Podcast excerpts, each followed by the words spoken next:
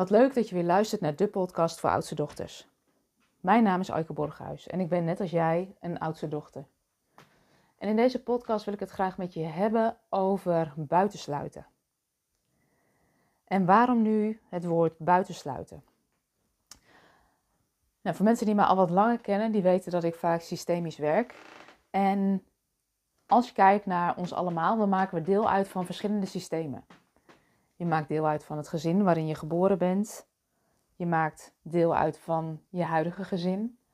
Je maakt uh, deel uit, als je in een organisatie werkt, van het organisatiesysteem. Um, als je bij een team hoort, maak je deel uit van dat team. En als je kijkt naar al die systemen, dan zijn die gericht op het voorbestaan van het geheel. Dus een systeem zal alles in werking stellen om dat systeem te laten voorbestaan. En om het goed te laten gaan met bijvoorbeeld zo'n organisatiesysteem, dan zijn er een aantal basisprincipes die belangrijk zijn in zo'n systeem. En het eerste is, is dat er sprake is van een ordening. Dat wat eerder komt, komt voor dat wat later komt. En je kunt dat bijvoorbeeld ook wel zien dat een bestuurder in een organisatie een andere plek inneemt dan uh, bijvoorbeeld een medewerker. En als mensen zijn we allemaal gelijkwaardig, maar in het systeem neem je een andere plek in. Een bestuurder heeft andere bevoegdheden dan dat je hebt als medewerker. Een van de andere principes is dat iedereen die erbij hoort recht heeft op een plek. Dus als jij deel uitmaakt van dat organisatiesysteem, dan draag je bij aan het versterken van het systeem. En een van de principes is, er is een balans in geven en nemen. En als je bijvoorbeeld kijkt naar een organisatiesysteem, dan verricht je arbeid voor dat systeem. Je besteedt uren en in ruil daarvoor krijg je een bepaald salaris. En als het goed is ook wat erkenning en waardering. Als voldaan wordt aan die principes, dan zie je dat het in een organisatiesysteem bijvoorbeeld ook lekker functioneert. Je merkt dan dat je met z'n allen helden hebt waar je het voor doet. Je merkt dat je uh, met elkaar je schouders onderzet en dat je dingen voor elkaar krijgt. Maar het kan ook zijn dat je merkt dat dat niet het geval is. Dat je merkt, ondanks dat iedereen van goede wil is, dat het toch niet lukt om bepaalde resultaten te bereiken. Dat je merkt dat je met elkaar allerlei ideeën opstart, maar dat ze um, ja, niet tot uitvoering komen of ergens halverwege blijven hangen.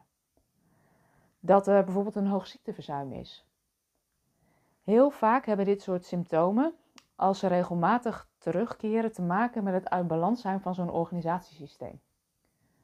En hoe kun je dat nou zien? Je kunt het vergelijken met een kindermobiel die je boven een bed of boven de box hangt. Zo'n mobiel of zo'n organisatiesysteem houdt zichzelf in balans. En als je een van die elementen eruit haalt, dan merk je dat de rest van het systeem die balans probeert te herstellen. Als er bijvoorbeeld onduidelijkheid is over wie welke plek en taken in een organisatiesysteem heeft, dan kun je bijvoorbeeld merken dat er onduidelijkheid is over het eigenaarschap in zo'n systeem. Dat je ziet dat mensen afwachtend worden. Wat je bijvoorbeeld ook kan zien is dat er in het verleden mensen um, via de achterdeur een organisatiesysteem zijn, uh, zijn, ja, zijn vertrokken. Dat er bijvoorbeeld is gezegd, door wat je nu hebt gedaan hoor je er niet meer bij, je wordt ontslagen en hier is het gat van de deur. In veel organisaties denken mensen dat als je de personen vervangt op bepaalde plekken, dat het probleem daarmee opgelost is.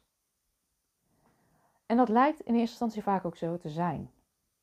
Maar wat een organisatiesysteem niet accepteert, is dat, um, dat je in de bovenstroom mensen uitsluit. Want wat er dan vervolgens gebeurt, is dat je dat in de bovenstroom dus in het gedrag wel kan doen. Je zegt je hoort er niet meer bij, je bent ontslagen. Maar in die onderstroom van zo'n organisatiesysteem merk je dat mensen in dienst genomen worden um, door de mensen die op een vervelende manier zijn vertrokken. En dat heeft ermee te maken dat systemen um, compleet willen zijn. Als je bijvoorbeeld merkt dat je in een organisatiesysteem werkt waar er heel, een heel groot verloop is op bijvoorbeeld de managersplekken, dan merk je eigenlijk dat zo'n plek niet vrij is. En het kan je misschien zelf ook wel gebeurd zijn dat je op dat moment een plek inneemt in het organisatiesysteem. En dat je merkt, dat je, ik heb alles in huis om dit te kunnen. Ik heb de juiste diploma's, de juiste papieren, de juiste ervaring. En toch lukt het niet dan kan het helpen om te kijken, hey, is die plek eigenlijk wel vrij? En in systemisch werk noemen ze dat soms ook wel, zit je op een vrije plek of op een besmette plek? Als je op een besmette plek zit, dan weet je eigenlijk dat um, er iets verstoord is geraakt in die ordening, in dat systeem, in de binding, in het erbij horen. Je daarvan bewust zijn betekent dat je ook weet of je kan beseffen dat het niet altijd aan jou ligt dat het op die plek niet lukt. Merk je nou dat je in een organisatie werkt waar dit vaker gebeurt, dan kan het heel erg helpen om met een bestuurder ook eens te kijken van hé, hey, ehm, hoe zitten die systemische basisprincipes nou in elkaar? Want als je daarmee zicht op hebt en je erkent wat er gebeurd is, en je erkent wat er met bepaalde plekken en mensen in zo'n organisatiesysteem gebeurd is, dan um, kan er rouw ontstaan. Dan kan al dat verdriet dat is weggestopt, kan stromen. En het vraagt ook van zo'n organisatie om daar dan ook even de tijd en de ruimte voor te nemen. Want als er rouw zit in het systeem, dan is het niet zo dat je denkt, net als bij een begrafenis, of hoe we dat in Nederland nog wel eens doen, van weet je, als je een begrafenis hebt gehad, uh, dan mag je rouwen tot die begrafenis is geweest. Maar daarna moet je weer over tot de orde van de dag. En zo werkt het niet met rouw. Zo werkt het niet met verdriet in een systeem. Dat heeft tijd en ruimte nodig. En we zijn vaak geneigd om meteen in die actie te willen schieten om dat op te lossen. Maar hoe zou het zijn als je dat verdriet en die rouw, om mensen die niet meer bij het systeem mogen horen, er gewoon eens laat zijn? Het verdriet dat iemand anders niet kon blijven en dat jij daardoor misschien nu wel je plek hebt. Het verdriet om collega's die zijn ontslagen terwijl jij er nog wel bent en mensen eigenlijk zeggen van weet je, je moet dankbaar zijn dat je nog moet blijven terwijl je tegelijkertijd ook het verdriet voelt om de collega's die er niet mochten zijn. Systemen willen compleet zijn. En rouw nemen in een systeem voor dingen die verloren dreigen te gaan of verloren zijn gegaan, geeft vaak rust in het systeem. En als dat zo is en dat verdriet mag er zijn, dan zie je daarna dat dat mensen ook stevigheid geeft. Omdat ze groeien als mens en als professional. En dat ze daardoor daarna hun plek stevig in kunnen nemen in het systeem. En dingen die een tijd lang niet liepen, stap voor stap wel weer in gang gezet kunnen worden.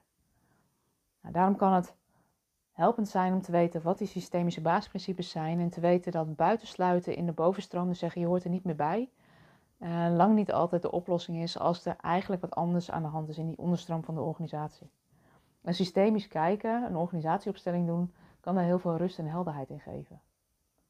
Nou, mocht je nou merken dat dit bij jou ook speelt, weet dat een opstelling doen altijd een manier kan zijn om hier meer rust in te brengen voor jezelf. En ook te weten dat ehm, het niet altijd aan jou ligt, maar soms ook echt te maken heeft met de plek en Ehm, ja, de plek in dat systeem. Mocht je daar nou meer over willen weten, dan um, kun je daar natuurlijk altijd het over lezen. Of als je daar nog vragen hebt, kun je me altijd een mailtje sturen. Doe dat gerust. Ik vind het altijd leuk om daarover met je mee te sparren of over mee te denken. Je zou dan een mailtje kunnen sturen naar info.oudstedochter.com en um, dan kijk ik met je mee. Voor nu wens ik je in ieder geval een hele fijne dag en uh, tot een volgende podcast.